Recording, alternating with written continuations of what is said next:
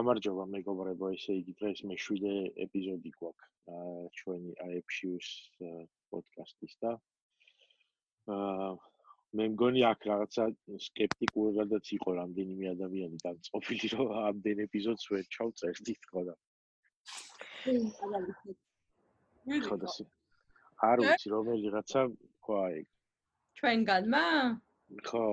მე ვიქნებოდი. გადავახვიოთ წინა პოდკასტებიდან ვინც უსმენს ჩვენ რომელმა თქვით აი. ეგეთი ნიუსი წავიკითხე იმ დღეს რომ აა ესე იგი ეხა ვაქცინა გამოიგონებენ ოდესმე ამ კორონავირუსის. მარტო ამერიკისთვის ანუ ყველა ადამიანი რო აიცრას ანუ დაჭირდება რომ 300 მილიონი ამპულა უნდა დამზადდეს რა. აი ეს ვაქცინა რაღაცაში ჩაისხას ხო და მე მგონი ეგ არის ანუ ისა რა ქვია აწარმოე საქართველოსში ფარგლებში რომ ამპულების ქარხანა გახსნას ვიღაცამ 3D პრინტერი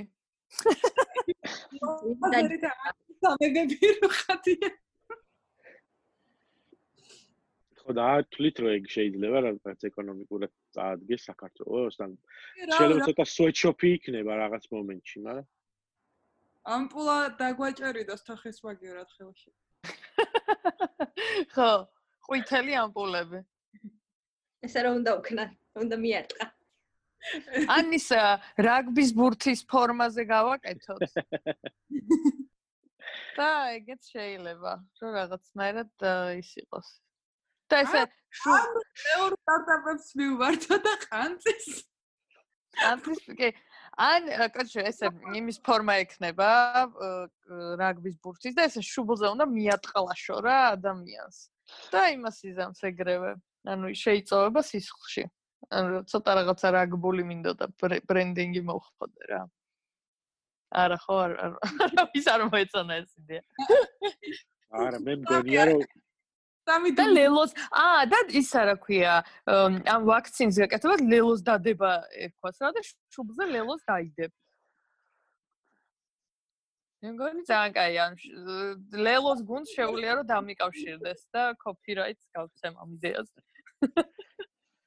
ხო და ხო მაგალითად მამუკა ხაზარზე შეუძლია ხა ამ პულების ქარხანა რომ მოხდოს ანაკლიაში ხო, აი ბიძინამ თავის ძოზე ბიტკოინი ხო მოხდა ანუ ტრენდს მოაჭდა და ეხლა შეუძლია რა მან ამ ტრენდს მოაჭდეს რა. და იცი რა მაინტერესებს? ეს ქუჩები რო აკურთხეს და ვერტალოტიდან ვერტალოტი რა და ბოდიში ვერტმფრენით რო ხატი დაქონდა იმ კაც.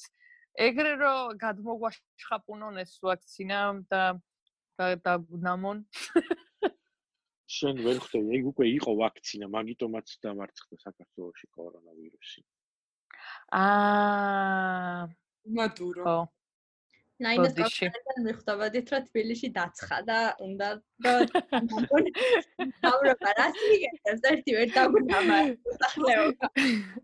კი, კონდიციონერი არ მაქვს და წელსაც მგონი ვერ შევიძენ ასე რომ გაგიმართლა იმით აღმოჩნდა რომ საშინელი ყოფილა კონდიციონერი კორონავირუსის გავრცელებისთვის. მართლა? ა ავტობუსში მაგიტო არ თავენ თუ რაღაც ხო? კი, ჩვენმა მძღოლებმა თავიდანვე იცოდნენ და მაგიტო არ იყო არასდროს კონდიციონერი. უდით გადა.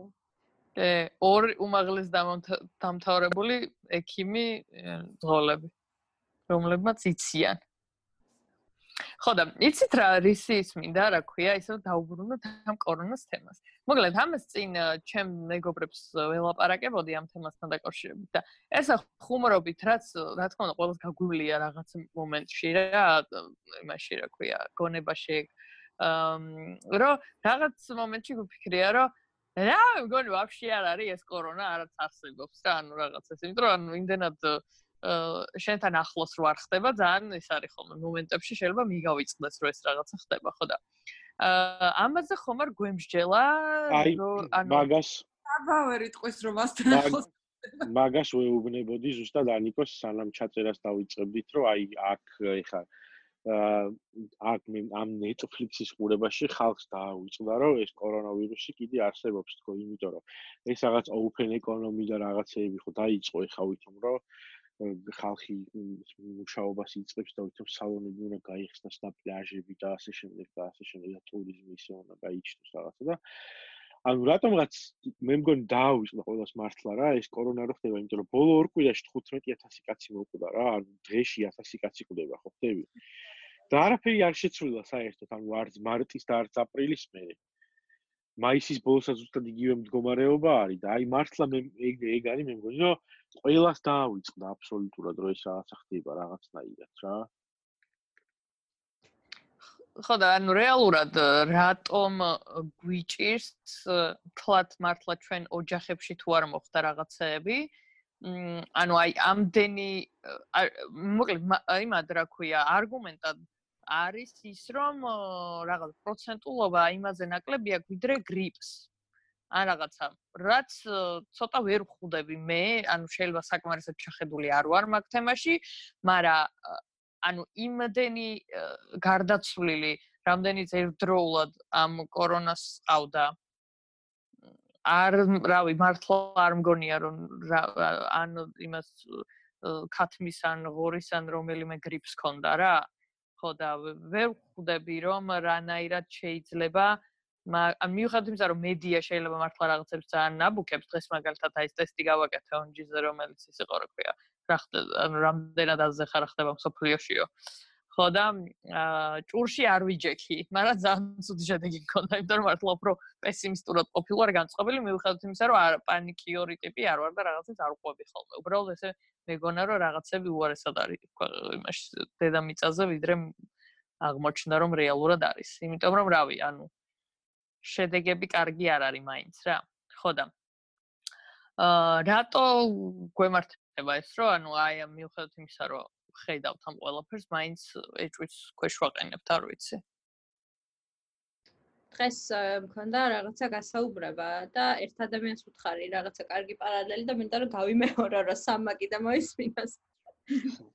ძალიან და საიდანაც დღეს დაუკავშირე კორონავირუსი და ანუ ეს წარმოქმნები რომ საერთოდ არ ხდება 2008 წლის სიტუაციას თბილისში. როცა რაღაცა საერთოდ არ გვიგძნია თითქოს რომ რამე ხდებოდა თბილისის მაცხოვრებლებს და ზუსტად რაღაცა მაღაზიებიდან რომ პროდუქტები გაქრა და ხალხი რა რაღაცა ცოტა მიაწყდა მოაწყდა რაღაცა იგივე ფილინგები წამოიღო თითქოს ანუ ანალიტიკური თვალით რო შევხედა კორონას ამბებს ხო და რეალურად არა და იყო. მგონი ხო? ანუ ხო ცოტა ის არის ანუ იქამდე ხო არ მივდივართ აი როგორც ჰოლოკოსტი არ არსებობდა თემამდე რა, რაღაცნაირად. როგორც გონი ძალიან ეგ ძალიან გაჯმა. აქ просто მე მგონი ის არის რომ არა, ნუ იქ სხვა რაღაცა ერთი კონკრეტული ჯგუფის ის არის, რა ქვია.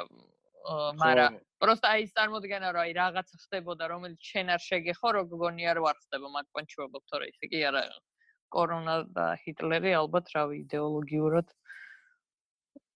არ არ ვიცი შეიძლება დიდი ხანი თუ იმჟელ შეიძლება ალბათ დავაკავშიროთ ეგ შემდეგი იყოს საბა რაღაც ამბობდი და ჩაგეყვეხე.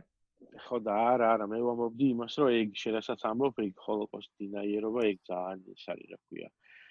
საიქო კონსპირაციის თემა არის რა და აქ მარტო ეგეთ ხალხს არ არ ჭირს ეს რაღაც გულ მოვიწყობა კორონას მიმართ, ან რაღაც ყოველას ყოველას დაემართა რა, თითქოს ხო ხდები, იმიტომ რომ რავი, ძალიან თითქოს ცოტა ბევრად უფრო მშვიდად არის ეს ხალხი. რასაც ვუყურებ.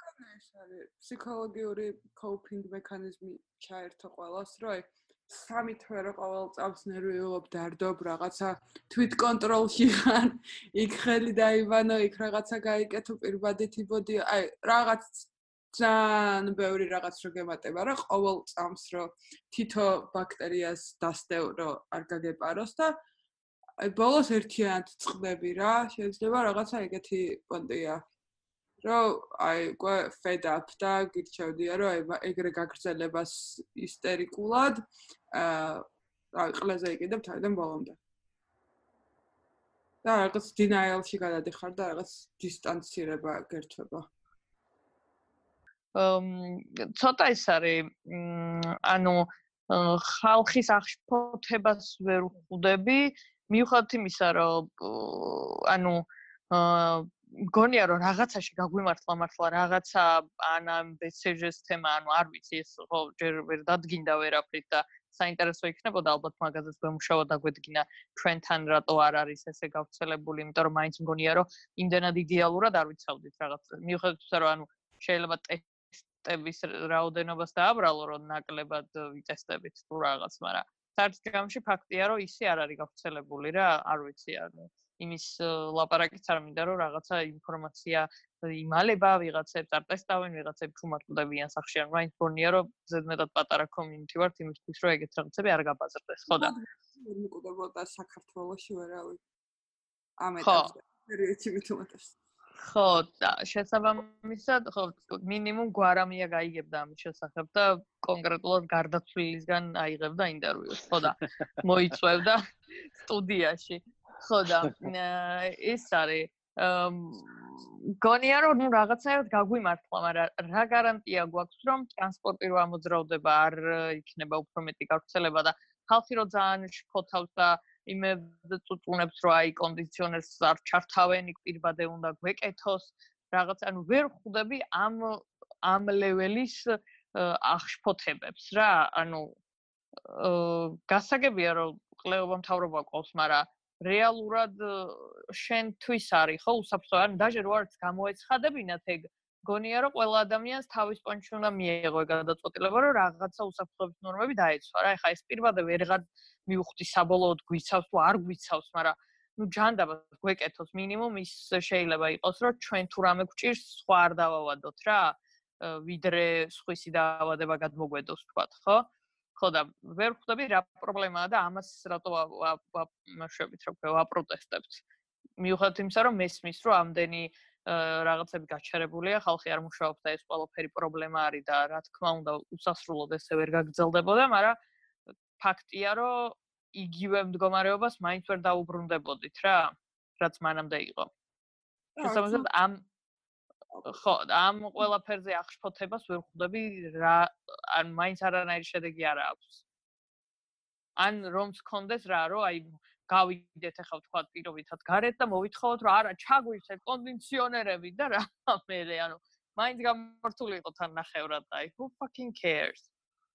ხო, მაშინ არ რეკავდნენ მცხელ ხაზებზე მომგანი რაც იყო მითითებული რა თუ კონდიციონერი არ დარეკეთ და რაღაცები მაქსიმუმ Facebook-ზე აღშფოთებულიყო და ეხლა უფრო რატო აღშფოთდნენ ახაც იმას. ხო ანუ აქ ის მომენტია თითქოს რომ აი რო გვიკრძალავს ახლა ეს მთავრობა მაგის გამო არის რა და კი რავი ძალიან ვერ ვიტან ვითომ ჩემზე ზრუნვით რო არიან დღე და ღამე და რაღაცა ეს ის რო არის რა ქვია ლიქნელური მოქალაქეებზე ზრუნით რო კეთდება ყველაფერი სისულელე, მაგრამ ამ კონკრეტულ შემთხვევაში, რაც ამ პანდემიას შეეხება, მართლა ვერ ხვდები გაპროტესტების აზრს რა.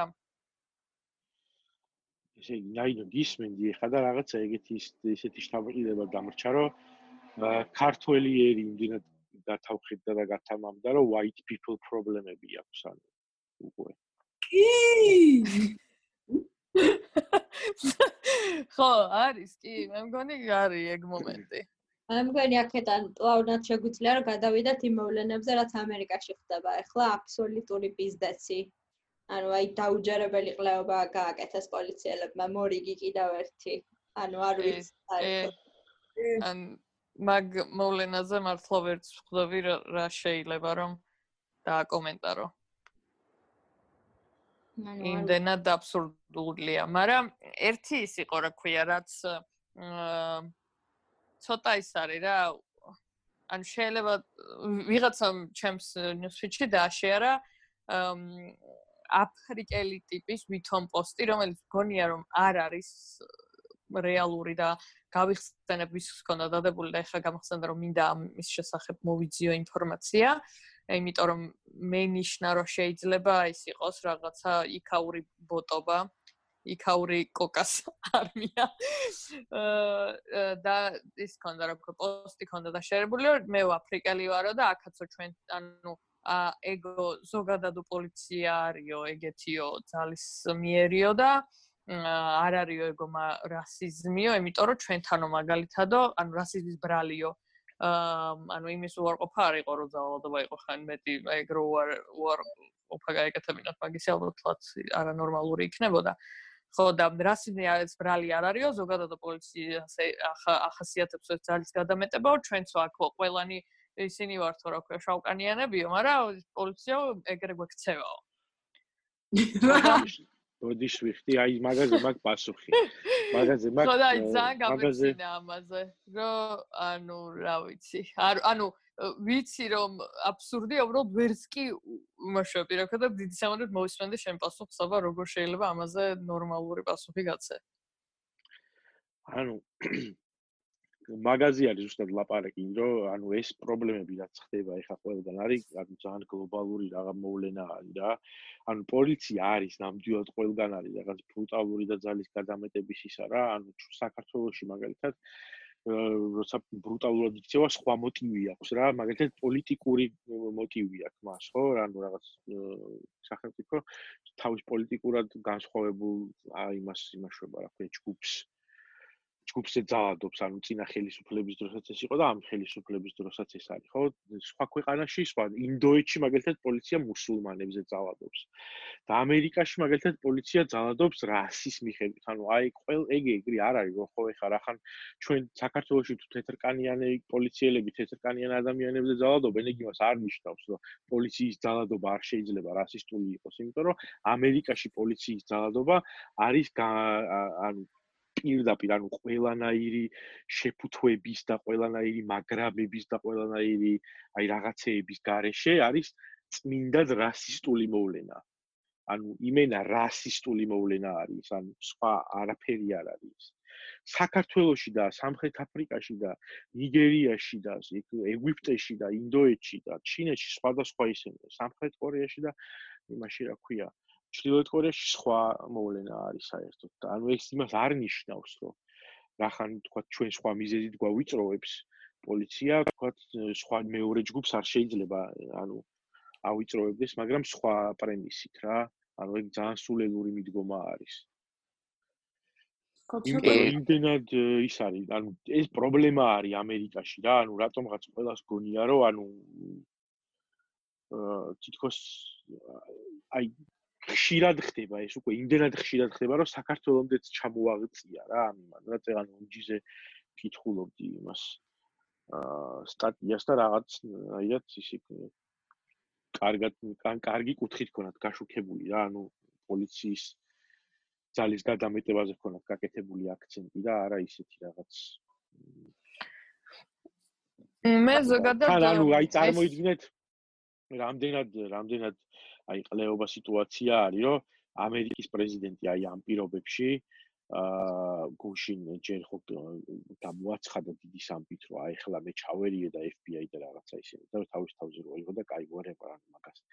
რა ჩარევა უნდა, უნდა დაიჭირონ პროსტო ეს ტიპი. გუშინ კიდე ღამე, გუშინ კიდე ღამე აი ესე გარითმულად და ლექსად მოახსინა მაგალითად Twitter-ზე ქვეყნიერებას რომ when looting starts shooting starts. ანუ აი ეგეთი ლექსად ლექსად მითხრა რა?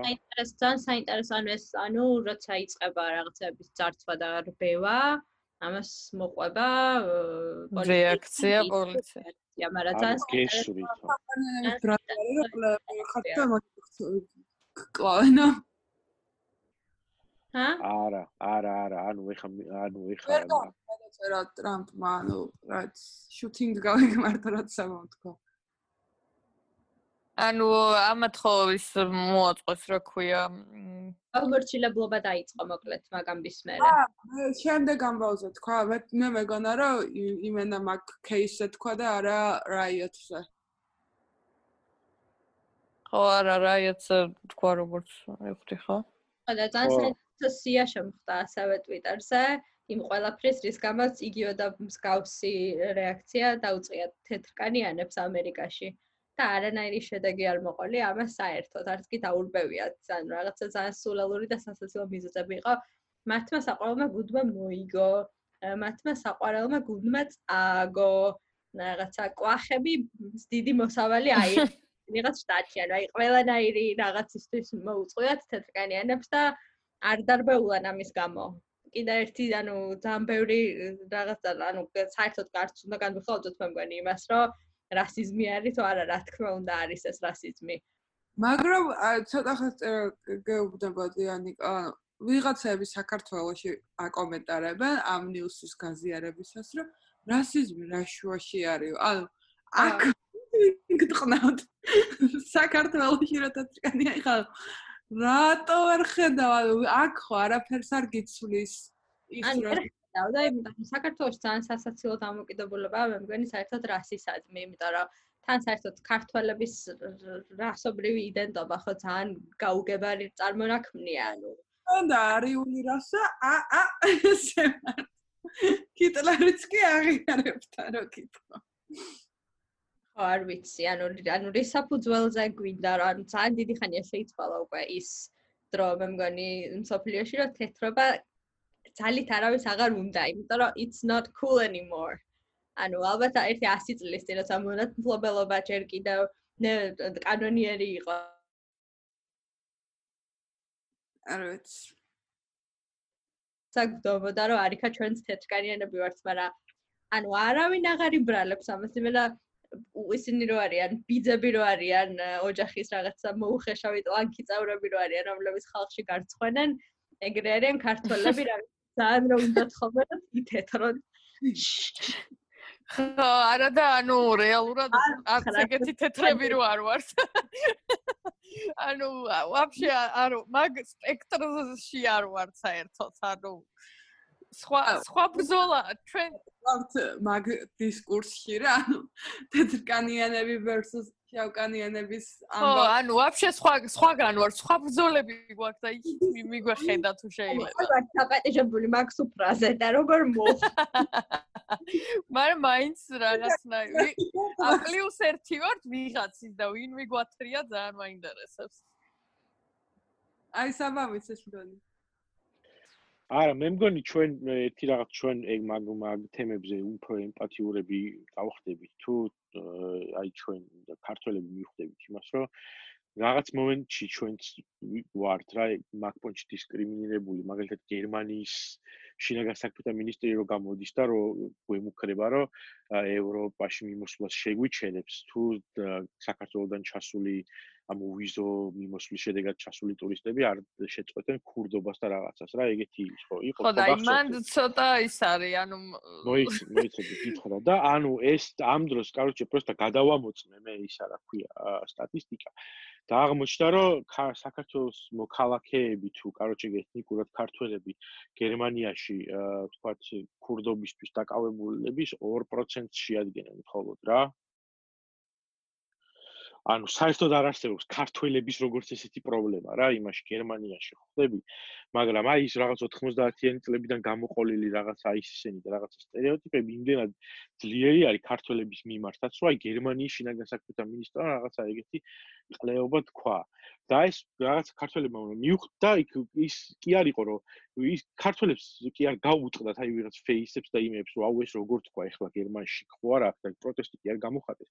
არა, პირიქით ის თემა წაიღეს, რომ აუ აი როგორ გვარცხვენთ რა შვებით და რაღაც ხო ხდები და ამას ჩვენ ქართველები უნდა მიუხვდეთ რომ არსებობს რა, ანუ ჩვენს მიმართაც არსებობს ესეთი დისკრიმინაციული რაღაცები და აქ მაგალითად ამერიკაში შავკანიანების მიმართ ეს ასმაგად არსებობს რა, იმიტომ რომ ის კულტურის ნაწილია ეს და გინდა თუ არა რა და აი იმენა ბრძოლა მიდის დღემდე ზუსტად იგივენაირი, აი ზუსტად იგივენაირი ტიპის აა ბრძოლა მიდის, როგორც 60-იან წლებში, ანუ ის, რა ქვია, civil rights movement-ის დროს იყო, ანუ იმიტომ რომ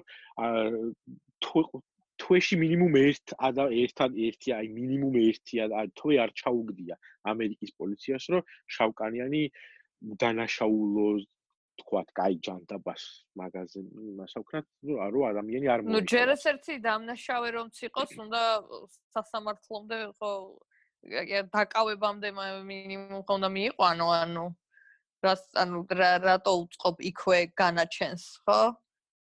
ეგა თან მაგის შედარება ვნახე რამდენიმე ხნის წინ რა კიდე ერთ-ერთი ეგეთი кейსი რა იყო, მაშინ წამოიჭრა რა ეგ თემები რა. აი მაგალითად რამდენჯერ უსროლია პოლიციას თეთრკანიანი ადამიანისთვის, რომლის დაკავებაც უნდა და რომელიც იყო თქვა შეიარაღებული ან წინააღმდეგობას უწევდა, ანუ რაღაც ეგეთი ხდებოდა და აი იმანა შეიარაღებული ტიპებისთვისაც კი არ უსვრიათ სანამ რაღაცა უკრიტიკულეს ზღრამდე არ მივიდა, რომ აქეთ ზამში შუბულზე არ დაადო იარაღი პოლიციელს, მანამდე პოლიცია არც კი ფიქრა, რომ ახო არ ვესროლო ამ ყლეს და შავკანიანებს სტატისტიკურად ანუ ეხლა რაც იყო რა, ეგ თემა არის, ანუ ის კი არა რომ აიცი თუ არ იცი რომ დამნაშავე არის. ანუ იარაღიც კი არ ეჭირა თხელში, ანუ არანაირ წდაღბეგობას რო არ წევდა, ეგრევე რო აბრალებენ, რომ ჰმ, დაძახებაზე არ გამოიხედა და ვიღაც თინეიჯერი შავკანიანი მოკლეს, იმიტომ რომ ყურსასმენებით მირბოდა და ამათ რო დაუძახეს და ვერ გაიგო მუსიკას რო უსმენ და ჩათვალეს პოლიციის წინააღმდეგობა და ეგრევე ესროლეს. ან და ეგეთ დროს ან ეგეთ кейსებს ადარებდნენ და ამერიკა ან თეთრკანიანი რო ყოფილიყო იარაღით რო ერბინა ყურსასმენების ლაკირად არ ესროდნენ რა. ხო და აი აი ვისაც აინტერესებს უბრალოდ ეხა მეთქვი რომ აი YouTube-ზე შეუძლია ნახოს ეგეთი ვიდეო არის არ მახსოვს რა ქვია მაგრამ აღწევ რა ხდება. ანუ შავკანიანი ახალგაზრდა ბიჭი ეს იმისია ფესტის ხელში უჭირავს ნაგვის ასაღებია ეს კაუჭები რო არის და რომელთაც ძის ნაგავს იღებს. და მაგითი თავის ეზოსთან სადაც ცხოვრობს იქ დგას და ისე რა ქვია გაზონიდან იღებს ნაგავს რა და წმინდავს იქაურობას. და ამ დროს მიდის მასთან პოლიციელი და ესა რა ქვია თხოვს რომ რა ქვია უკან დაიხიოს და ეს პოლიციელი უმიზნებს იმას რა ქვია აა იარაღს და ეუბნება რომ ესა რა ქვია ხელიდან გააგდოს აი ეს კაუჭი იმიტომ რომ აა ის პოლიციელი თulis რომ მის სიცოცხლეს საფრთხე იმუქრება ამ შავკანიანი ადამიანისგან და მისი კაუჭისგან და აი რაღაცა ეს ტიპი აა ეს ტიპი უკან თან უკან უკან მიდის ეს ტიპი თვითონ მიდის ხო ხდები უკან უკან მიდის ეს შავკანიანი და ეუბნება რომ რა რა გემუქრებიო უკან უკან ვიწეო და შეხედეო რა არისო ჭიქა მიჭირავს ეს სტარბაქსისო იმაშიო რა გინდაო. ხდები. და ეს ამ დროს დარბის და პანიკურად ყვირის რაღაცა და მე მე იყო კიდე ის რომ აი ეხა ერთი თვისტი იყო მე მგონი მინესოტაში რომ შეიჭნენ იმაში თეთრკანიანი იარაღიანი ადამიანების ისა ქვია შტატის სენატის იმაში რა ქვია შენობაში და იქ პოლიცია ისე ჩაუდგა და იქ რაღაც აი ეს ამოღებული ესე იარაღებით დადიოდნენ და ვიღაცა დაწერა მე რომ აი ნახეთ რომ ესენი ესე გამოდიან ესე აპროტესტებენ შეიჭრნენ სახელმწიფო შენობაშიო და ამ დროს იმავე შტატში რომელიც არის ეგრეთ წოდებული open carry ანუ სადაც შეიძლება იარაღი ღია დატარო მაგ შტატში ესე იგი თეთ ეს თეთრკანიანები ესე იქცევიან და შეუძლიათ რომ ღია დატარონ და ესე ირბინონ იარაღებით ამ დროს მოკლეს 12 წლის ბავში რომელსაც სათამაშო პისტოლეტი ეჭირა. ხელში თუ დაჟე სათამაშო პისტოლეტიც კი არ იყო ტელეფონი იყო თუ რაღაცა რა. ზუსტად ერთი თვით ადრე თუ რაღაცა ეგეთი ის არის და ყოველ აი ვერ გავიგე რანაირად შეიძლება ადამიანმა დაინახოს რომ ეს რასიზმის პრობლემა არის რა რა ერთი რომ ანუ არ დაინახა სხვა ეგ ვაფშე რავი ალბათ ეს უნდა იყოს ყოველ დღე რომ კი კი ყლევარ პასუხს როცემ ეგრე ხარ მაგრამ მეორე რომ ვინც ხედავს ძალიან ბევრი ალბათ ოკეი არის ამერიკის თეთრკანიანობიდან რომ ეგრე ხდებოდეს რა. რამდენიმე სტატიაზე და რაღაც ნახე რომ აა ეს ერთ-ერთ ფრენს წერა რომელიც ამერიკაში სწავლობდა რა ესა მაშინ ჩემი ყოფნის დროსაც ხდება და ეგეთი ამბებია და რამდენჯერაც რამე პროტესტი გამოითქმოდა ან აქცია იყო ან რაღაცა მარტო ვესწრებოდითო ანუ შავკანიანი ამერიკელები და international თეთრკანიანები რა ვინც სასწავლებლად ან ემიგრანტები ან სტუდენტები ან რაღაც ეგეთები არიან ჩასული ანუ იქაური ადგილობრივი თეთრკანიანები ძალიან ძალიან ცოტანი გამოდიოდნენ რა ანუ რა ან ყველაზე კიდიათ ან ეთანხმებიან რა. ანუ ეგ არის ყველაზე დიდი პრობლემა რომ ის კი არა ვერ ხედავენ რომ რასიზმია ამ ყველაფერში. ხედავენ მაგრამ ზაი არ ოკეი ვისეთ რა. ეგაა ყველაზე ცუდი. ხადან შემდეგ პოლიციაში ზუსტად ის ადამიანი ხდება ძალიან ხშირად რომელიც ეგრე ფიქრობს. ანუ ეს ხო რაღაცა ესეთი სტომილების ლოგიკური ჯაჭვი არის რომ თუ ამათ ეს ემართებათ ალბათ დაიმსახურეს. ხო ანუ მე ხო არ მე თუ არ მემართება, მე არ დავიმსახურე და იმიტომ არ მემართება და სხვებს თუ ემართებათ, ალბათ სხვებმა ესე იგი დაიმსახურეს. ხო, ანუ თან აქ ხო რაღაც თავდაცვის ის არის, რომ იმის მაგერად რომ შეეგუო იმას, რომ სამყარო უსამართლოა და რაღაც დიდი სისტემის ცვლილებები არის საჭირო, ირჩევნია დაიჯერო ის, რომ ვინც მსხვერპლი არის, ის არის უბრალოდ დამნაშავე და he's wrong. იმიტომ რომ მერე თუ ეგრე არ ჩათვლი, ეგ ნიშნავს, რომ ესე იგი იგივე შეიძლება შენს დაგემართოს მომენტ რა. ანუ ნებისმიერ кейსზე ის ადამიანები, ვინც მოძალადეთ ხარეს დგანან და არა მსხვერპლის, რაღაც ხო მაგ coping მექანიზმს თავენ, რომ ანუ იმიტომ მოკლეს, ან იმიტომ დავცემეს, ან იმიტომ გაუპატიურეს, რომ მათი ბრალია რა, ანუ იმ სხვერპლის ბრალია თორე აბა სამყარო ხო არის? ყლერო, პროსტა ვიღაცებს და უტყნას რა, იმიტომ რომ თუ პროსტა რენდომად უტყოს და ესე იგი მეც მომიტყნავს და ეგ მაგის და გააზრება და დაჯერება არ უნდა და დავდივართ ხო და მე ზოგადად იმაზე მქონდა სულ ანუ სანამ მეც რაღაცებს უფრო გავიგებდი, ანუ შეიძლება ესე თან შორიდან და ერთი რავი ალბათ 10 წლის წინადელი ამბავია, როცა მეგონა რომ ხო ეხლა ნუ რავი ალბათ მორჩა ეხლა ეს მონათხრობელობა ხო აღარ არის და აი ეს ძალიან უძედაპირულად რა და მე უკვე ნელ-ნელა ინტერნეტი ხო არსებობს და შეგვიძლია რაღაც ინფორმაცია გავიგოთ და მოგზაურობენ ადამიანები და იყვებიან თავის ისტორიებს და ასე შემდეგ, ასე შემდეგ და პლუს კიდე რეალურ თარიღებთან როცა მქონდა უკვე შეხება იმას ვუყურე hidden figures და 1960 წელია. ანუ სადღაც 70 წლის ანუ ის ადამიანები ვინც 60 წელს დაიბადნენ ჯერ კიდე ანუ რამდენის არიან? 60 წლის არიან ხო? ანუ ახალგაზრდა და რა და ნუ საშუალო ასაკის, საშუალო ხთის ადამიანებად ითვლებიან. ვინც ამ ყოველფერს მოაესწრო და პლუს ის ადამიანები, ვინც ამაში მონაწილეობდა, შეიძლება დაჟე ჯერ კიდე ცოცხალები არიან რა. ხო და ამ hidden figure-ში ძალიან კარგად ჩანს ამ რასიზმის პრობლემა, როცა ეს შავკანიანი ქალი, რომელიც ამ NASA-ში მუშაობს, უწევს ერთი შენობიდან სადღაც კილომეტრში მეორე შენობაში სიარული ტუალეტში, იმიტომ რომ ის შენობაში არ არის ფერატკანიანების ტუალეტი. ანუ ეს ხდებოდა 60 წლის წინ.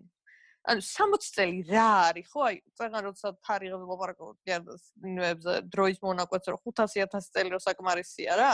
60 წელი არაფერი არ არის იმისთვის, რომ ადამიანებმა აღარ იგძნონ თავი რასულად დაჩაგრულად რა, როცა რეალურად თან არის ეგ ყველაფერი. ძალიან პატარა დროა, აი პროსტა მართლა ვე ეგ ყველაფერი თარიღებში გამოსახული რო იყო, მეთქი ანუ ყველაფერის უფლება აქვს. აი ვაფშე რატო დედასარუტყან, რატო არ გადაწვავენ ვაფშე მთელ ამერიკას? ავიან სამართლობისგან ქვეყანას. კი, ფეში ანუ რატო არ ვაფშე არ გადაწვავე და საერთოდ ვაფშე პატარა ეჩუსაც კი აღარ შევიტან მაგ ყველაფერში იმიტომ რომ უბრალოდ ჯერთი ვაფშე მე ვიმტყნავს აქ თბილისში ეგერთი და მეორეც პროსტა შეუძლებელია წარმოვიდგინო 60 წლის წინ ხდებოდა ეს ყველაფერი რომ ტიპებს მარტო იმის გამო რომ განსხვავებული რასის არიან კონდათ განსხვავებული სპეციალურად გამოყოფილი ტუალეტი აი ხოს აბსურდია სრული რა. ხო და ნაინო თან ხა ეგეც ეგ ყველაფერი გასაგებია რა იქ სეგრეგაცია და ისინი ის არის, მაგრამ პრობლემა ის არის, რომ აი ეს რასობრივი პრობლემა რაც არის რაც იყო ამერიკაში მუდმივად, ანუ ეგეთი ისტორიული და წარსული საერთოდ არ არის, იმიტომ რომ აი ამ წუთებში არის ეგ პრობლემა, ხო ხდები, იმიტომ რომ რაღაცა ის დავიკითხე ამას წინათ კვლევა იყო, რაღაცა 6 გვერდიანი კვლევა გამოხდა რომელიღაც უნივერსიტეტმა და ის რა ქვია ონლაინში რა ხდება? აი თქვათ მეებზე რა სოციალურ ქსელებში განხილვა მიდის ამ რასობრივი პრობლემის და საბოლოო ჯამში კაროჩე ისეთ ისეთ ისეთ დასკვნა არის გამოტანილი რომ ანუ ამერიკა და თქვათ პრინციპში ამერიკა უკვე დგას აი რასობრივი ომის ზღვარზე რა იმიტომ რომ ხალხი რომელიც არის თეთრკანიანები და ეს რაღაც პატრიოტები, რომლებიც არიან იდეაში ვითომ ისინი აქტიურად აქტიურად აკეთებენ ამის პროპაგანდას, რომ მათ უნდათ რომ ეს რასობრივი ომი დაიწყოს საბოლოო ჯამში და ეს არის აა და აი მე მინდა რომ მაგალითად ნახონ ეგეთი ნახეთ თქვენ და ის სამი ადამიანი ვინც მოგუშმეს არის ეგეთი ვებსაიტი it's going down org და ეს არა ქვია მანდარი this week in fascism.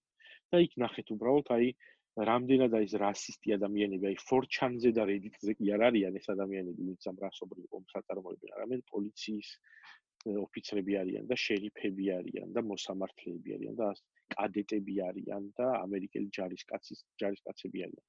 და ეს აი ეს this week in fascism-ში არის ესე გამოტანილი ხოლმე ამ ადამიან ეს ადამიანები და რა ხდება ყოველ კვირა და ყოველ დღე ამერიკაში აი ამ რასობრივ პრობლემასთან დაკავშირებით და ანუ მე მესმის რომ ვიღაცებს ეს რაღაც ცოტა მემარჯვენე ისენი აქვს რა ქვია წაროები იმიტომ რომ თვითონ ისინი პირველ წყაროს ამერიკა თქო ამერიკულ მედიას აეცნობიან და ვიღაცა ვინც დააშიარებს ხოლმე. ან Facebook-ში შეიძლება იმისგან ხედავენ ამ ცალმხრივ ინფორმაციას. და აი ნახეთ პროსტა იმიტომ რომ საოცრება ანუ მართლა მე ანუ ეს ეს ეს არ არის ქვეყანა სადაც ესეთი რაღაცები უნდა ხდებოდეს და ძალიან გასაკვირი არის პროსტა ერთი ქვეყანა არ არის სადაც ანუ ანუ როგორ რო წარმოგიდგენია რა ვითომ რომ აი ეს ამერიკა რაღაც პრომის ლენდი არის რომელშიც აი ყველაფერი ძალიან დიაბლოდ არის იდეაში და ანუ ცოტა აი ისეთი ყლებება ხდება რა ანუ აი კინოებში რო აი რა ვიცი ჰოლივუდურ კინოებში რაც ნახულობ აი ბიოპიკები რო არის ან რაღაცა ეს ისტორიული ისინი მონობასთან და სეგრეგაციასთან დაკავშირებით ანუ აი დაახლოებით კი არა და ზუსტად იგივე პრობლემა დგას რა. ხო და მაგაზე ანუ იმის თქვა მინდა რომ რეალურად ის ფაქტი რომ 60 წლის წინ იყო სეგრეგირებული ეს ტუალეტი და ეხლა რო ეგ ეგრე არ არის მაგის თქვა მინდოდა რა მაგედან რომ იმას არ ნიშნავს რომ ხო ყველაფერი გამოსწორდა რა ანუ ის ფაქტი რომ რაღაცები ისი არ არის როგორც ადრე იყო რომ აი მონები აღარ არიან და ტუალეტში თალკე სიარული არ უწევთ და ვიღაცა გამარჯობას იმიტომ არ ხარ არ ეტყვი ან ეხა ალბათ არის მაინც ეგ. მაგრამ ანუ ისეთი რაღაცნაირი ხელშესახები ვიზუალური თვარფი რა დავარქვა რაღაცები რომ არ არის რა რაც ცალსახად რასიზმს ხალხს უსვამდა. რომ ჯერ კიდე მაინც არ არის მისული იქ ამერიკა იმიტომ რომ ზოგ ადამიანს ალბათ მაინც გონია რომ ხო რაღაცა ეს თავისუფლების შუქურა როცა არ არის ეგრე ხო, ანუ ახლა ზუსტად ეგაა რა, შეფუთული ისე რომ აი აი შავკანიანი ყავდათ პრეზიდენტი და ახლა რაღაცა რა, ანუ გარედან თუ არ ჩაიხედა, მგონია რომ იმდანაც მოიხოდნა რომ შავკანიანი აირჩიეს. სინამდვილეში საერთოდ არ ნიშნავს ეგ არაფერს რა და ახლა გამახსენდა ეს რა ქვია რამდენიმე თვეს წინ წავკითხე ჩიმამანდან გოზი არის? ადიჩი ა? ვერ მახსოვს აგის სახელს და გვარში, მაგრამ ისეთი რომ რო ჩაწერო typos minds იპოვის Google-ი და სწორი მომდე მიხოლთ.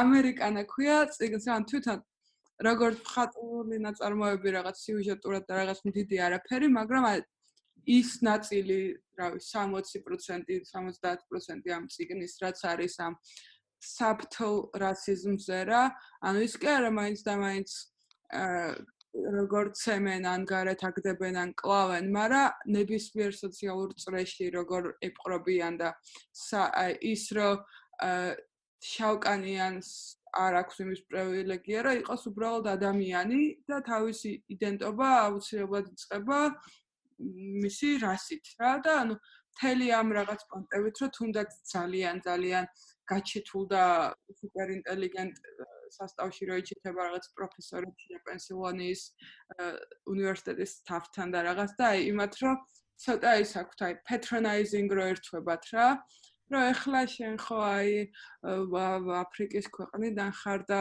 რაღაც და ნუ აი ეს რაღაცა აფრიკა რო აფრიკა არის და არა ის რომ რაღაც საფრანგეთი იტალია ხო ევროპიდან არ ხარ ანუ რავი ან საფრანგეთიდან ხარ იტალიიდან მაგალითად რა სხვა დროს რო კითხავენ და ანუ რაღაცებში რომ მოიაზრებან და ძალიან კაი ციგნი არის მაგხრი რომ ა ეგეთ ნაწილებს რომ შეიძლება სეგრეგაცია აღარ არის ახლა მაგრამ ის რომ შენი ადგილი ვერ იქნება რაღაც ლექტორად თესლ უნივერსიტეტში და აუცილებლად ეგონები ლექტორის ბაგირად დამლაგებელი ვიღაც გამლელს იმ უნივერსიტეტის ტუალეტის დამლაგებელი ან ეგეთი რაღაცები არსებობს რა დღემდე და არ არ ნიშნა როგორც რავი ჰომოფობია არ აღმოფხრილა სამყაროში იმით რომ ბევრ ქვეყანაში ახლა same sex marriage ლეგალიზებულია ის არ დამთავრებულა რასიზმი ობამას პრეზიდენტობით.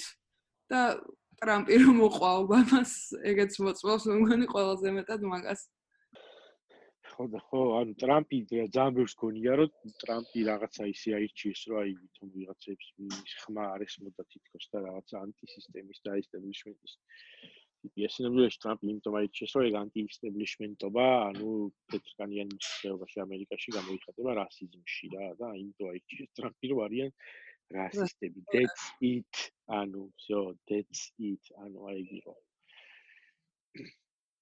და შეუძლია ადამიანებს ვისაც ამას შეჭვებარებათ Netflix-ზე არის 4 სერიანი დოკუმენტური ფილმი ტრამპზე და ნახონ იქ სადაც როჯერ სტოუნი ყვება რომ ობამა მეორეჯერ რომ მოიგო ანუ მით რომლის რომ წააგო ტრამპი მეორე დღესვეო წავიდაო და დაარეგისტრირა ტრეიდმარკად ფრაზა make america great again. ანუ ზუსტად იცოდა რომ რასისტ პლატფორმაზე მას აირჩევდნენ ობამას შემდეგ. ანუ მეტად რა მანამდე და თან მანამდე სამჯერ სამჯერ ფიქრობდა თუ ორჯერ ფიქრობდა ტრამპი პრეზიდენტობას ერთხელ 88-ში მე მეორეჯერ 98-ში და არც ერთხელ არ გავიდა რა ანუ იყო რა ჯგუფები რომლებიც მას თხოვდნენ და არც პრაიმერიზე არ დამდგა რა საერთოდ ანუ ვაფშე გაცალკევებული იყო მაგრამ აი მენა ელოდა ელოდა ელოდა ელოდა და პერფექტ მომენტი ობამას მეორე ვადის შემდეგ გააყენა და მაგიტომაც მოიგო რომ ეს ქვეყანა არის რასისტული ქვეყანა და we have to face that ერთხელ და სამუდამოდ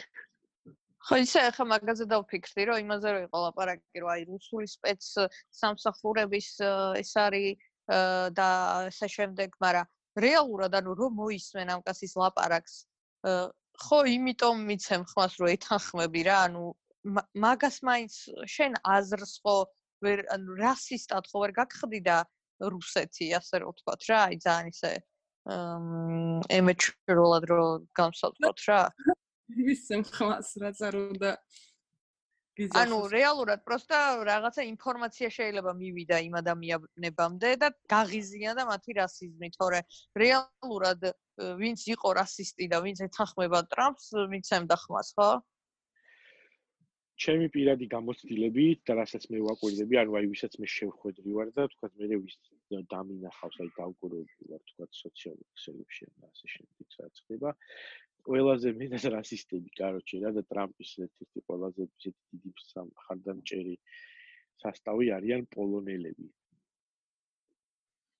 რომლებიც რა არ ვიცი, რომლებსაც ძალიან უნდათ რომ თავიანთი ისტორიიდან აუშვიცი ამოშალონ. თქვა რომ ეხლა თლად ეხლა რაღაცა იქაც თვითონაც მსხვერპლები იყვნენ მაგას შალიჩობენ და სინამდვილეში აქ იმენა სერიოზული აი ყო რაც კი ვინც კი ანტისემიტი შემხედრია ან რასისტი უმეტესობა ყველა პოლონელი ყოფილა. აა რა დაუკეთე წარმოდგენის ვიყავი ახკარად პოლონელებს რატომღაც სხვათა შორის მას შემდეგ რაც პოლონური ავტობუსით ვიმგზავრე, ძალიან სუბიექტური ვიქნები ახლა, მაგრამ ვაფშე არ ვიყავი და ორი წლის წინ იყო მე მგონი, იმიდან ბერლინიდან ვარშავაში წავედით ავტობუსით და ფლიქსბასზე ვიყიდეთ ეს ბილეთი. და იმედი გქონდა რომ ფლიქსბასი როგორც აქვს ხოლმე კომფორტული საყვარელი ავტობუსები, ეგეთ დაგხვდებოდა და რაღაც ისეთი დანჯღრეული იყო და საშინელი და ძველი და გადაქექილს კამებიანი, რომ თბილისში არ მინახავს, კი არა და საქართველოში არ მინახავს ეგეთი ტრანსპორტი кайხანია, ხო და მე იმაზე ვღადაობდი, რომ ევროპის რუსეთი არის პოლონეთი მეთქი და მე მგონი საკმაოდ კარგად გამირტყავს. ბოდიში თუ ვინეს გზნობებს შეურაცხავი, მაგრამ ნაკეთა ევროპა ის ფონზე თავის გარშემო იქნება თუ რაღაცა ყველაზე კონსერვატორები, ყველაზე ჰომოფობები, ყველაზე ისეთი ანტი აბორტის უფლების სასტავი და ყველაზე რელიგიური ზაიობებიანი ქვეყანა არის. просто ამერიკაში ჩასულ პოლონელს ვინ ტყნავს რო ტრამპის მხარეს იჭერს ეგ მაინტერესებს თორე თავის ქვეყანაში კი არიან კლეებიან მან დარბიკურს. არა ვინ უშლის თვალე თავის ქვეყანაში. ხო, რა ვიცი, იქ თავის ქვეყანაში უნდა რასისტი იყოს და უნდა ჰომოფობი. დავიძვა რომ სწავლობდა ან მე თავაკითხა რა ერთ სემესტრს სწავლობდა და ორი დღით ადრე ჩემს ჩასვლამდე იყო რაღაცა ეროვნული დღე აი დაახლოებით ჩვენი 26 მაისის აბრაზნი რაღაცა დღესასწაული იყო რა და აა გააფრთხილეს უნივერსიტეტში რომ ვინც ხართო international სტუდენტებიო და არა პოლონელებიანო მოდითო 1-2 დღეო არ გამოხვიდეთო გარეთო იმიტომ რომ ძალიან რადიკალური ციფრები არიან და ყველა უცხოელს დედას უტყდავენ და ყვითელი ავტობუსით ხო არ გაიყვანეს? ჩემი მეგობრები ორი სამი დღე იყვნენ სახლში გამოკეტილები მაღაზიაში კი არ ჩადიოდნენ აი ვაფშე ყველა რა და ანუ ეგეც რაღაც მანქანები გადაწყვეს და დედა მოუტყნეს და ცალკე რუსებს ებრძვიან და რუსეთის საელჩოს გადაწყვეს მე მგონი ნაწილობრივ მაგრამ ანუ ცალკე უცხოელებს ანუ თავისი წილი რასისტული თუ რაღაც აქვს ეთნიკური კლებები აქვთ რა ძალიან დიდი დოზით მაგრამ შენ ანუ მაგას ვერ ხვდები ან თვითონ რა ჩასულები არიან? ამერიკაში ანუ ემიგრანტები რო არიან? სხვა ჩემოთრეულებზე რო ჩემოთრეულს იძახიან იცი რა არის ეგ სხვათა შორის ძალიან უცნაური რაღაცაა, იმიტომ რომ ჩვენი მეგობრის დეიდა არის უცნაური. ტრამპის საპორტერი, რომელიც ასევე ჩათრეულია აქედან და არ არის, არ არის უცნაური. რატო არ არის უცნაური? იმიტომ არ არის უცნაური, რომ მაგას იმიტომ არ არის უცნაური, რომ მაგას ქვია თავისი სახელი, მაგას ქვია white supremacy. აი ვიღაცებს რო გქონიათ რომ რა არის white supremacy? white supremacy არის ეგ. რომ თეთრკანიანი ევროპელ ადამიანს წარმოუდგენია რომ მას აქვს უფლება რომ იყოს აი ესეთი თუნდაც პირველი ან მეორე ან მეხშვიდე თაობის ემიგრანტი და მას კონდეს ბოლო ყველა უფლება რაც კი აქვს. მაგრამ სხვა ადამიანს სხვა ადამიანს იმავე მიზეზებით რომ უნდადეს თქვა ემიგრაცია ამ ქვეყანაში ან იმავე იმავე იმავე დისკრიმინაციას განიცდის რაც ის თქვა თავის ქვეყანაში ან სხვაგან ან არ ვიცი ზოგადად ყველაფერი. ან სხვა ადამიანის იმის უფლება რაც ამ თეთრკანიან პოლონელებს ქართველებს არ ვიცი გერმანელებს ირლანდიელებს იტალიელებს ამათ ვისი უფლებაც აქვთ სხვა ფეკანის ფერის ადამიანებს არ აქვთ ის მაგის უფლება და ეს ამას თქვია white supremacy. თუ ვინმე საინტერესებს რა არის white supremacy, ეგ არის white supremacy. პირველად გავაყლავდა იმაზე, აი სულ პირველად სანამ ტრამპს აირჩევდნენ რა, წინა დღეები რა იყო, წინა საარჩევნო პერიოდი, ონჯიზე იყო სტატია, რას ფიქრობენ ქართველი ემიგრანტები. ამ არჩევნებთან დაკავშირებით და ну ზოგი ახალ შედარებით ახალგაზრდან ქალი ან რაღაცა პასუხობდნენ რომ აი რა ვიცი ცოტა უცნაური სიტუაცია ვიღაცა ჰილარის საფრთხეს ხოს ვიღაცას არც აქვს უფლება რომ ვინმე სხვას ვიცას და პროსტა უბრალოდ ვიღაც კაცი იყო რომელიც 12 წელია თუ რაღაცა რა ამერიკაშია ემიგრანტად ჩასული ქართველი ზროსლი თან ერთი 50 წლამდე იყო მინიმუმ და პირველად მან დავაფიქსირე ეს კაცი ეძახეს რომ აი ხო მე ტრამპს ვიჭერებ ხარს რომ გაიუსო ეს ამერიკა ემიგრანტებით და ჩამოთრეულეთ თვითონ იყო ზუსტად ეგ და აი მე იცი რას მაგალებს ეგ ხალხი რომ აი ერთ-ერთ ჩვენს ეპიზოდში რომ ვაპარაკავთ ან ქართველი middle class ლიბერტარიანელები რო არიან და თავისუფალ ბაზარა ხალხი და როგორიათ რომ ჯეფ ბეზოსთან უფრო ახლოს არიან ვიდრე ღარიბ ფენასთან არიანი ხალფასით რო აქვთ მაგის ილუზია. პატარა პატარა იპოთეკით რო გონიათ რომ ჯეფ ბეზოსთან უფრო ახლოს არიან, აი დაახლოებით ეგრე ეგეთი ხალხი გონია ეგ ქართველი ემიგრანტები რა, რომ რო გონიათ რომ ანუ მომენტ თავიანთი სიტატრის გამო აა თუ გინდ ტრამპთან და თუ გინდ ყველაზე ფითქინე არისტოკრატ ევროპელებთან და დიდარ ამერიკელებთან უფრო ახლოს არიან, ვიდრე რავი ჰისპანიკ ემიგრანტ ხო არ ვარ არ ვარ ანუ არ ვარ თეთრები რა ვაღიაროთ რომ არ ვარ თეთრები ხალხო ამ ფოტოდან მე მომჭერით და ესე აღიარე ხოლმე აი მე არ ვარ ვიღაც ანიკოს გარდა საბას საკმაოდ თეთრია. მე და სალომე კარგ თეთრები არა, არა, ვარ ხა თეთრები ხა, მაგასაც ნუ მიგავა. მესმის. არა, ბაზარი არ არის, მაგრამ ეხა ისე თეთრები, ანუ ის თეთრები არ ვართ, რაზეც მანდარი რა ლაპარაკი, კაროჩე რა. პრეტენზია აქვს ისეთი თეთრები ნახდათ არ ვარ. ხო, ანუ რაც გონია რომ ვართ, ეგ white supremacy არ გვეკუთვნის, კაროჩე, მე მგონი. ხო, არ ვარ, არა, ჩვენც მსხვერპლი ვართ white supremacy-ი, იმიტომ რომ ჩვენც კოლონია კოლონია ვიყავით, ანუ თეთრკანიანი ძლიერი ჩრდილოური იმპერიის კოლონია ვიყავით და ანუ ისინიც white supremacy განიცდიან ჩვენს მიმართ რა, ანუ და მაგას ვამბობ, რომ ანუ ძალიან არასწორ ლიგაში გვინდა რომ ვითამაშოთ რა, ხო? ჩვენ ჩვენ შავ ტრაკას გვეძახის ვიღაცა. ე, თალსახად.